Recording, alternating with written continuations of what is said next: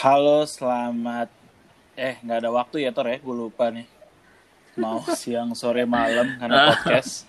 Eh, ini eh, berhubung lagi banyak banget wabah wabah pandemik itu ya, COVID-19 ya. Jadi kita dari KH berencana untuk eh, bikin podcast lagi ya, Tor.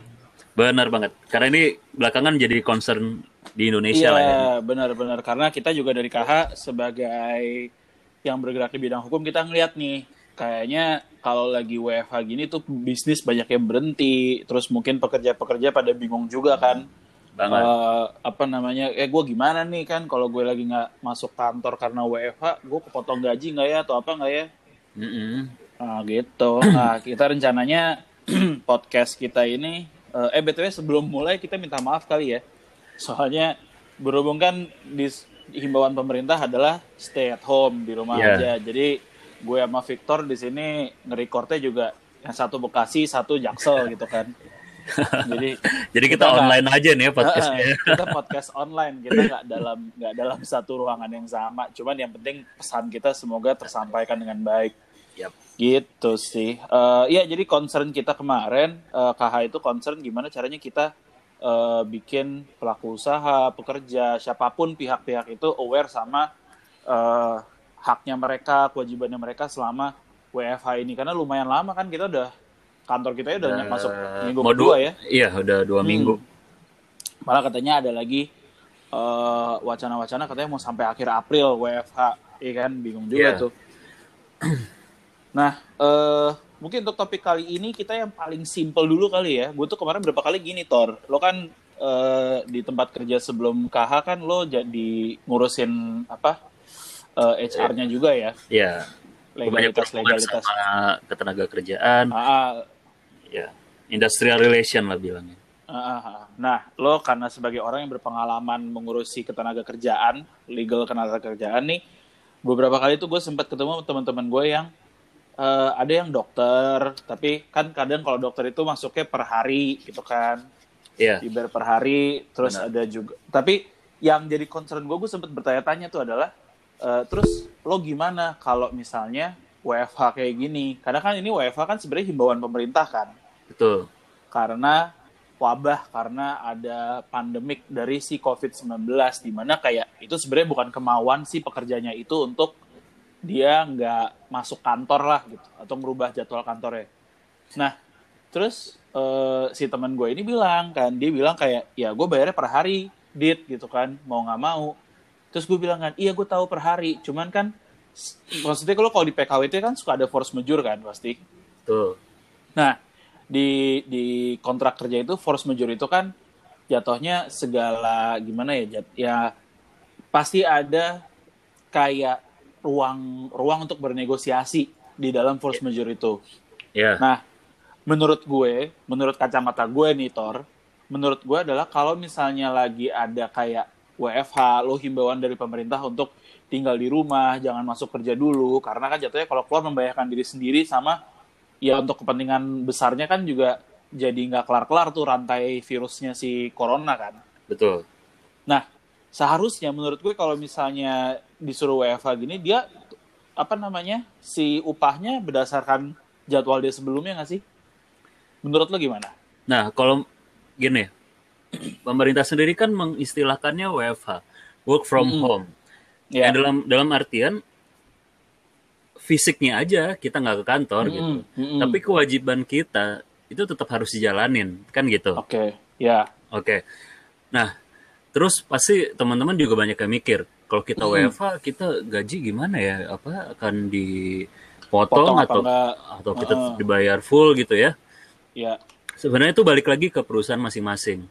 Gitu. Hmm, ya, ya, ya. Waktu pertama kali himbauan WFH itu dikeluarin, banyak kok perusahaan yang langsung menggodok gimana kita memformulasikan himbauan ini terhadap eh, Pekerja.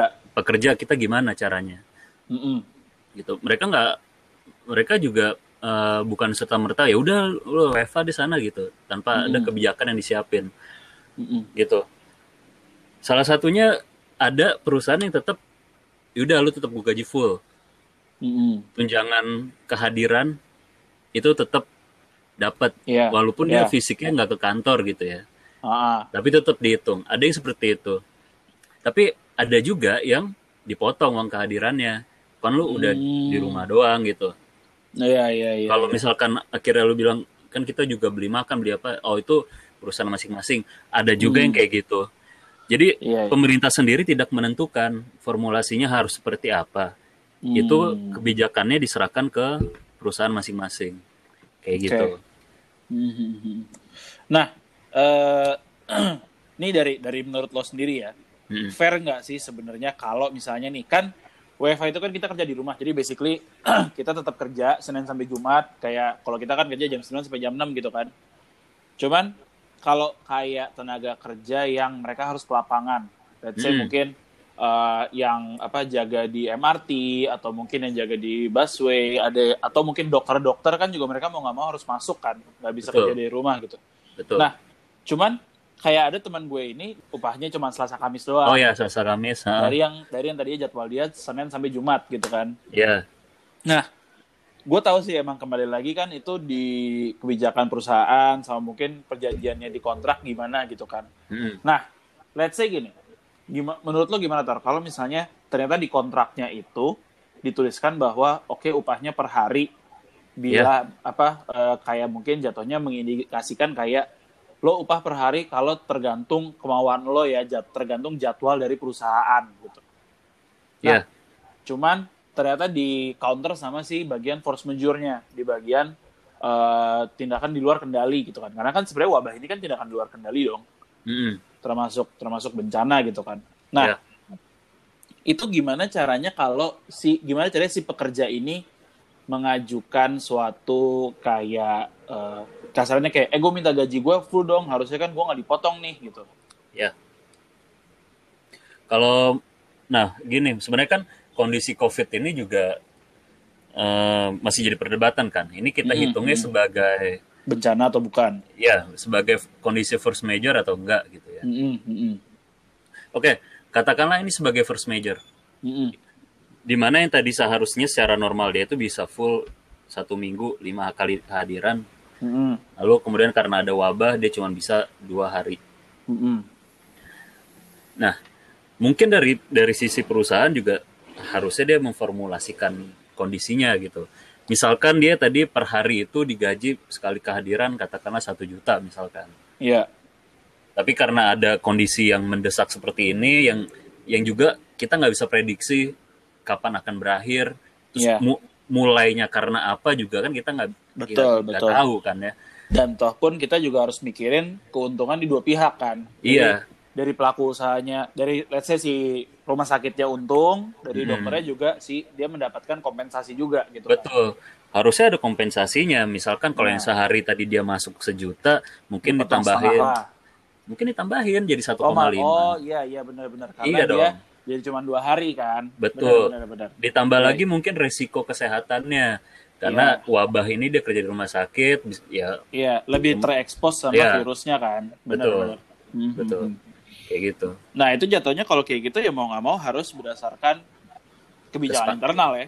betul memang seharusnya ketika terjadi bencana seperti ini pihak perusahaan dia harusnya eh, mengajak bicara karyawannya gitu Hmm, Iya, iya, iya. mungkin benar, kalau benar. misalkan perusahaannya itu punya serikat buruh ya melalui serikatnya Ya, pasti ada gitu. ada ada perwakilannya dari serikat buruh kan. betul kayak gitu Hmm.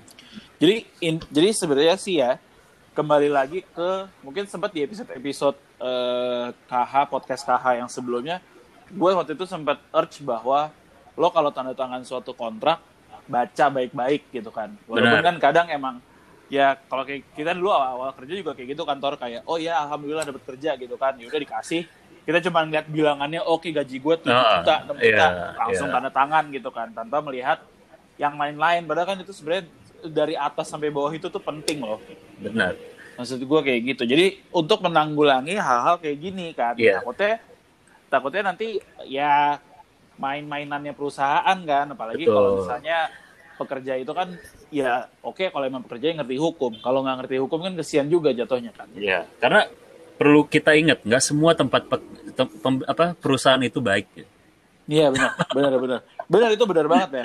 Karena ada cuy, temen gue ada lagi. Jadi ketika kita udah lagi lagi WFH nih kan, oke kita lagi kerja di rumah di rumah, terus gue pas lagi buka-buka Instagram, gue ngeliat temen gue itu masih masuk tor, masih masuk Nah. ke kantor. Nah, terus gue tanya kan, e, Mas lo kok masih masuk? Bukannya WFH gitu kan? Terus dia nggak caption kayak percakapan dia sama bo- bosnya. Bos itu ngomong kayak gini, kalian kan masih muda-muda, resikonya kan masih kecil terkena corona, udah masuk aja ya. Ah, iya. harus terus belajar. Gue langsung mikir kan wah lo bener. Lo emang bener ya? Dia juga ngomong dua perusahaan tuh ada dua tipe. Satu perusahaan yang menganggap eh, apa ya jatuhnya bahwa kayak oh ya karyawan gue tuh aset gue gitu kan. Ada satu Betul. lagi yang bener-bener cuman mikirin dia yang penting pokoknya usaha gue jalan gue nggak peduli. Pokoknya mereka ngeremehin sih virus ini gitu. Iya, itu kan iya. kacau kan. I mean kayak ya kita KH lagi lagi bener-bener WFH udah kita nggak usah masuk sama sekali karena bahaya juga kita kalau masuk. Ini terus Iya. teman gue ada juga yang kejadian kayak gitu masih masuk masih masuk. Kadang ada yang bilang kayak gue shift shiftan masuk ya lah ya lu datang ke tempat yang nggak ketemu orang pun virusnya belum tentu hilang kan bisa aja nempel di handle lah nempel di lift lah atau mana lah gitu Betul. Cuman gini bro, ini kondisi kayak gini emang dilema. Tapi benar gini, benar benar nggak nggak nggak nggak semua sektor sektor usaha itu bisa mengikuti WFH ini. Iya, Contohnya sektor industri Hmm. kayak gitu. Nah dia kan harus Iya. terus beroperasi gitu. iya paham perbankan juga kan Betul. gue kalau Maka kayak yang kayak gitu gue paham sih sebenarnya hmm, cuman yang kadang menjadi pertanyaan itu adalah yang gue udah lihat nih udah jelas-jelas kayak lo kantor lu tuh sebenarnya nggak perlu masuk terus gitu loh. Cuman ya emang ya gitulah ya kembali lagi sih emang. Lo kalau punya perusahaan tuh mesti mesti bener sih. Maksudnya kayak lo gimana cara ngerangkul anak buah lo? Lo gimana Betul. cara mikirin eh apa namanya ya kesehatan juga lah. Maksudnya kayak sekarang kalau misalnya gue atau lo gitu kita punya perusahaan umur kita udah 50 ke atas gitu terus kita masih nyuruh anak buah masuk ujung-ujungnya resiko kita juga kan iya. iya mereka mungkin ya udah masih sehat-sehat aja bawa virus kita yang kena kita yang mau cut kan Betul. Mik- makanya perusahaan-perusahaan kayak gitu tuh kok nggak mikirin gitu masih Ya. aja masuk masih aja masuk gitu Ya, ya, ya. Sampai Yo. sekarang juga teman-teman gue yang di perbankan juga masih pada masuk bro masalahnya tuh. nah itu dia Kalau gue tanya, kalau gue tanya kenapa kok kok kok kantor lu nggak bikin WFA? Kat- Kata jawabannya sih masih digodok rum apa mau gimana kebijakannya gitu.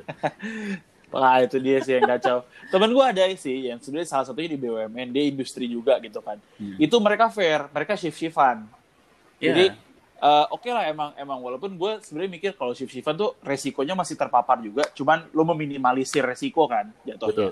Hmm. Nah eh, harusnya perbankan tuh kayak gitu kan karena kan si dari surat edaran gubernur kan juga mereka dia bilang kan bahwa eh, kalau emang tidak memungkinkan untuk eh, bekerja dari rumah maka eh, pokoknya intinya yang masuk ke kantor itu hitungan minimal lah jangan maksimal gitu Mhm. jadi mungkin kayak sehari-hari kalau kayak KH mungkin bisa kita masuk 20 sampai 30 orang kalau emang shift-shiftan ya mungkin cuma 15 lah atau mungkin cuma 10 lah yang masuk ganti-gantian gitu kan Iya. Harusnya itu perbankan atau sektor-sektor yang emang bener kayak kata lo dia nggak bisa apa Berhenti produksi gitu. Ah, ah, ya harusnya dia menggo jangan kelamaan godok maksud gue Benar. sih lo? Itu dia. Ini kita udah mau minggu kedua WFH, tapi temen gue Iya. itu masih bilang lagi digodok gitu. Ya, Apa? makanya. Lu nunggu sampai karyawannya ada yang kena gitu, lu baru oh iya kita Iya, perlu men. nih. kayaknya gitu begitu ada yang udah kena eh udah udah udah, udah jangan deh gitu udah nggak aman berarti gitu lu nunggu tapi emang kayak gitu sih orang Indo ya nggak tahu sih menurut gue ya menurut Hmm. opini gue nih gitu mungkin kalau audience denger ada yang setuju ada yang enggak cuman maksud gue gue sebagai orang Indo gue ngeliat orang Indo itu nunggu kejebles kalau bahasa Jawanya Nunggu celaka dulu gitu. Iya, nunggu kecemplung dulu baru kayak oh, udah gue butuh deh gitu kan Iya. itu kan karena yang kayak selalu kita tekanin juga kalau kita bawain workshop atau seminar gitu-gitu kan kita selalu bilang kan ya, jangan ngeremehin hukum jangan nunggu kayak Benar. Kena pahitnya dulu baru akhirnya oh yaudah gue sadar hukum gitu loh maksudnya Ah, iya. lebih baik kan lu tau gak sih yang petuah-petuah orang tua kita kan selalu lebih baik mencegah daripada menanggul apa menanggulangi gitu kan Lebih Lebih mencegah daripada mengobati. ya. mengobati ya oke ya kayak gitulah maksud gue Iya. Ah, Karena kan kalau mengobati lo udah keru- udah ada kerugian gitu kan. Iya. Ya, Dan belum tentu mengobati itu lu bisa, sembuh. Iya, bisa terobati. Apalagi Iya. sekarang kasusnya benar-benar penyakit gitu loh. Benar. Nah, makanya jadi ya tapi ya kembali lagi sih emang benar-benar uh, apa emang ini sekarang lagi area sensitif sih masalah WFH ini. Lo kalau ngeliat mungkin dari sosmed, dari apa, dari apa, ada orang yang kayak ya kalau misalnya gue juga masih ngeliat banyak banget yang remehin sebenarnya benar benar itu yang gue nggak ngerti gitu loh maksud gue kayak lu tuh nunggu apa sih gitu loh udah udah cukup jelas men yeah. kayak jangan ngerasa kayak ah ya udah kita belum kayak Itali kita belum kayak apa. Ya jangan lo tunggu sampai segitu. jangan kayak gitulah. Iya men kayak maka makanya kan ada istilah ikhtiar baru tawakal gitu. Nah makanya kan gitu. lo yang non muslim aja ngerti gitu loh. Iya. Ini maksudnya ini maksudnya yang muslim muslim kebanyakan yang kayak gitu. Gue bukan rasis sih coba maksudnya iya. kayak kemarin yang kasus uh, jumatan. Nah itu itu, itu juga itu rame di, kan itu juga rame tuh itu bener-bener rame ya mungkin kita agak OOT sedikit ya dari topik yeah. pekerja cuma maksudnya banyak banget yang sebenarnya udah himbauan dari pemerintah himbauan dari pemerintah itu kan sebenarnya pahit atau enggak itu yang terbaik gitu loh menurut gue kayak gitu betul kayak masalah beribadah di rumah ibadah masing-masing, Islam, yeah. Kristen, Hindu dan lain-lain, itu kan dia juga udah ngitung jangan berkerumun dulu gitu loh. Cuman Betul. kemarin uh, ada yang maksa ya dibuka ada gitu. Ada yang maksa, ada yang gue lihat-lihat di lihat-lihat di sosmed, gue lupa kayak daerah Bekasi apa Bandung gue nggak ngerti deh. Pokoknya hmm. dia bilang takut tuh jangan sama Ridwan Kamil, takut tuh sama Tuhan lah. Nah iya. Gue bingung, gue ketawa, gue ngeliatnya kayak duh kok orang-orang kayak gini nih ya yang benar-benar kayak ya ini jatuhnya opini kita jadi benar-benar beropini banget nih udah nggak ada benar. udah nggak ada dasaran dasaran hukumnya kan cuman ya itulah maksudnya uh, aware lah kayak yeah. lo jangan kalau udah kayak gini lo nggak egois gitu loh kayak, benar karena gini loh saat kita melakukan hal itu gitu kita harus sadar kita ber kita misalkan nih kita maksa untuk dibuka hmm. gitu ya untuk ibadah misalkan kayak gue ada misalnya gereja gue juga dari kemarin minggu udah mulai disuruh ibadah sendiri ah, di rumah ah, ah. benar gitu. benar misalkan misalkan gue gitu, tetap maksa gitu buat dibuka hmm. Dan terus kita akhirnya masuk semua ke dalam satu ruangan di Rame -rame. gereja terus ternyata sal ternyata salah satu ada yang ketularan iya. terus lo keluar lagi dari gereja lo ketemu orang nah, lagi betul ketemu nyokap gue di rumah ketemu iya. adik gue ketemu tetangga maksud gue gini kita tuh harus berpikir gitu bahwa yang kita lakuin ini bisa berbahaya sama orang iya, lain juga masalahnya masalahnya ini bukan main-main bukan yang kayak Benar. orang sini tuh gitu sih ngeremehin kayak udah nggak apa-apa kita apa sakit itu yang nentuin Tuhan sakit yang nentuin Allah gitu. Nggak gitu nah. gitu loh. Maksud gue kayak kasarannya gimana ya? Kasarannya kan kayak gue tahu emang yang kena virus itu pasti udah kehendak Tuhan gitu loh. Kasarannya kayak gitu ya. Benar. cuma maksudnya Benar. bukan berarti lo bisa semena-mena keluar aja seenak jidat kan? Iya. Ya kan? aduh benar deh ini kita kalau melanjutin bisa panjang banget. Panjang ini bisa sampai iya, pagi nih. banget ini dari dari si pekerja. Cuman ya konteksnya kurang lebih kayak gitulah itu itu masih masih masih karena ini lagi rame-ramenya wabah ini sebenarnya tuh Uh, mungkin dari sisi perusahaan mesti mikir lah jatuhnya kalau mungkin yang dengar-dengar kita ini pelaku usaha ya pikirin bahwa kayak ke setiap kebijakan yang lo ambil itu jatuhnya berpengaruh bukan cuman ke perusahaan lo doang. Tapi untuk sekarang yeah. ini itu kebijakan yang lo ambil itu berpengaruh untuk benar-benar khalayak semua masyarakat Jakarta Indonesia. Iya kan? Betul. Betul. Jadi diawali dari karyawan nah, sendiri, dari karyawan bener. nanti dari kerabat karyawan lo akhirnya merembet mana-mana. Jadi kayak gue tahu emang benar-benar uh, gimana ya? kita pun juga sebenarnya selama WFH ini KH benar-benar lagi lagi jatuhnya kerjaan emang jadi nggak banyak gitu kan karena setiap orang kan pasti lagi fokus sama diri masing-masing gitu loh kita pun juga yeah. apa uh, karyawan-karyawan KH lagi fokus untuk jaga diri terus kita benar-benar uh, harus jaga kebersihan dan lain-lain di rumah dan lain-lain. Nah tapi kan itu jatuhnya kalau misalnya kita kerja sama orang yang kayak nggak pedulian terus tetap masuk ya susah kan apalagi pekerja gitu. Kita butuh duit juga kita butuh gaji. Nanti kalau nggak masuk dipotong.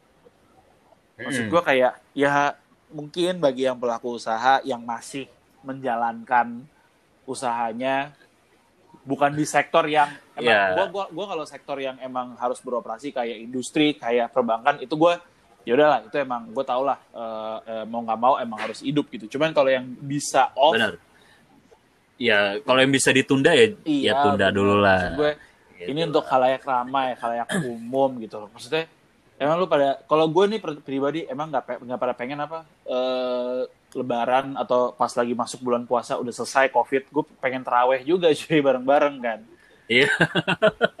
Karena males juga ya. Kita lagi momennya mau lebaran Nah. gitu yang biasa kita PS kita Fest- party festive gitu lah. kan. maksudnya Meray- lu merayakan kan Iya. lu buka puasa Merayakan lu gitu kan. teraweh, lu sahur bareng atau gimana tapi lo jatuhnya karena keegoisan beberapa manusia ya Nah. kan jadi nggak Iya. bisa nikmatin itu loh itu yang gue kayak ya Momen-momen silaturahminya tuh kan penting nah situ makanya kan. kayak gue tahu sih ada jadi kan berita pun juga harus dipilah-pilah. Ada yang hoaxnya mungkin eh, ini bisa sampai habis lebaran bisa sampai apa apa apa menimbulkan kepanikan. Ada juga yang berusaha menyebarkan positifnya adalah ya ini insya Allah kalau semuanya menjalankan stay at home sebelum puasa kita udah udah selesai gitu kan. Tapi jatuhnya itu juga jadi pesan yang disalah tangkep. Ngerti nggak maksud gue Tor jadi kayak Iya. oh ya udah paling ntar sebelum puasa juga udah kelar kan tapi dia tetap keluar gitu Nah, jadi miss poinnya di situ ngerti kan kayak nggak ngerti poin maksudnya yang kita maksud kayak gimana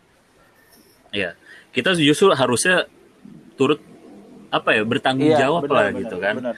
Eh, jatuhnya gimana ya Eh, si si untuk para pekerja-pekerja ini yang dengan gaji harian gue mungkin bisa urge kita bisa urge untuk lo coba deh eh, discuss sama HR-nya atau discuss sama Hmm. manajer lo kalau lebih ngerasa gitu. Karena maksudnya itu hak lo juga bukan bukan berarti kayak kita nge-push lo untuk kayak lo tuntut dong duit lo gini gini gini gini gini. Nggak cuma maksudnya semua itu kan bisa didiskusikan dengan baik-baik gitu loh. Kalau misalnya eh, perhitungannya masuk akal kalau misalnya eh, oh ya udah bisa eh, kayak tadi teman gue gitu kompensasinya Selasa sama Kamis dinaikin deh walaupun emang jatuhnya dalam satu bulan gajinya nggak sefull biasanya tapi at least nggak ruginya nggak rugi parah kan maksud gue kayak gitu gitu Hmm, hmm.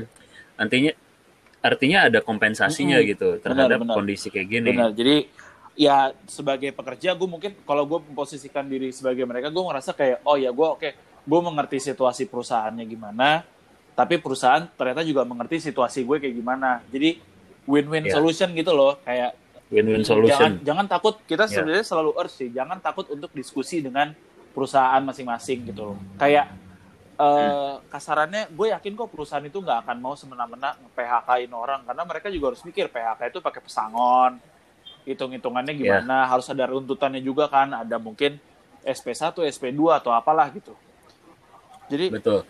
Gak, bi gak bisa gitu. Apa lu kita semudah itu bagi perusahaan untuk Iya. nge-PHK karyawannya tuh nggak nggak make mudah. sense lah maksudnya kayak mungkin kita gitu tuh kan kayak kita posisi jadi mereka kita bilang eh gue pengen discuss deh bisa nggak sih gaji gue tuh kayak gini gini gini gini terus masa make sense nggak sih kalau misalnya perusahaannya cuma dikitin doang dia langsung kayak ah apaan nih lu nggak suka dengan gaji kayak gue udah gue cut gitu ya itu mah konyol kalau Ya. kayak gitu iya Nah, iya sih konyol. ya sih eh, mungkin jatuhnya sementara segitu dulu kali ya Em, kita mungkin ke depannya akan banyak memperbanyak konten-konten dari podcast dari eh, IG live juga insya Allah atau mungkin dari IG TV ya Tor ya kemarin yang kita diskusin Eh, Kita ada rencana juga di GTV di mana IG-nya? eh, at kontrak Kon- hukum kontrak. Nah, Ah, itu siap. eh, kalian mungkin yang lagi di rumah, lagi W- lagi WFH atau mungkin emang eh, yang punya bisnis lagi nge lagi nge shutdown bisnisnya dulu karena emang dalam rangka mengikuti program pemerintah, bisa lah mungkin mengisi hari-harinya daripada udah bingung kan bukain Instagram, bukain apa-apa udah nggak jelas. Benar. Mungkin bisa lah dengar podcast kita atau IGTV menambah wawasan aja nanti ke depannya gimana. Mungkin kita topik-topiknya juga nggak berpu nggak berpusat dengan si COVID-19 juga ya. Kita mungkin mau ngebawain eh, legal for startup lagi untuk hal-hal yang topik-topiknya Ya. lain. Mungkin ada juga yang eh, mau ngebahas tentang jerat pidana mungkin ada juga bagi nah Ya, itu kan yang bisa. kayak kemarin tuh lagi rame menimbun masker sama hand sanitizer kan mungkin jerat pidananya kita Nah. bahas Atau mungkin dari audiens ada yang mau request Ya, kita benar, bahas benar. apa Kalau tuh bisa. misalnya ada yang kayak eh, Min mau dong ngebahas tentang mungkin apa kayak saya nanti setelah selesai covid mau bikin bisnis gitu atau kayak dia Min Ya. gue lagi tengah-tengah bikin bisnis nih baru banget establish eh ada covid gitu kan itu kira-kira ada Benar. precautionnya nggak kayak gimana gitu nah itu pantengin aja terus di IG kita setiap materi pasti akan kita up ya kan Yap. Eh, nanti Betul. tinggal kalian milih-milih lah mana topik-topik yang emang pengen didengerin gitu Oke, sementara Oke. itu dulu dari gue dan Victor. Kembali sekali lagi kita mohon maaf kalau ada audio-audio yang kurang baik karena kita juga nggak bisa maksimal karena kita lagi WFH tapi Iya. karena kita urge-nya kayak oke kita harus educate eh, apa masyarakat nih gitu kan Benar. Keinginan keinginan kita untuk sharing sesuatu tuh besar, banget, Jadi soalnya di sini. kayak kita riset di Google gimana caranya podcast beda tempat gitu kan ya insya Allah bisa berguna bagi kalian semua Eh, pantengin terus dan kalau emang ada yang mau ditanyain monggo bisa DM atau mungkin Sip. bisa langsung visit ke website kita juga Website di kita ya. www.kontrakhukum.com itu kita selalu on sih sebenarnya untuk yang nanggepin chat-chatan. Jadi kalau ada yang mau nanya-nanya dulu atau mau apa, silahkan. Oke, sekian dari gue, sekian. Sekian dari kita. Nah, terima ya. kasih atas waktunya. Thank you, Thank you. thank you. Selamat, selamat- ini kalau kita malam ya. selamat malam, selamat beristirahat dan Selamat jangan lupa malam. stay at home. Kalau mau tahu update-update info hukum lebih banyak, bisa langsung follow kita di @kontrahukum biar dapat reminder. Terus nih, kalau misalnya mau tanya-tanya lebih detail lagi untuk kita itu kayak gimana sih, bisa aja. Eh, kita sediain online konsul juga kok. Langsung aja visit ke website kita www.kontrahukum.com. Thank you.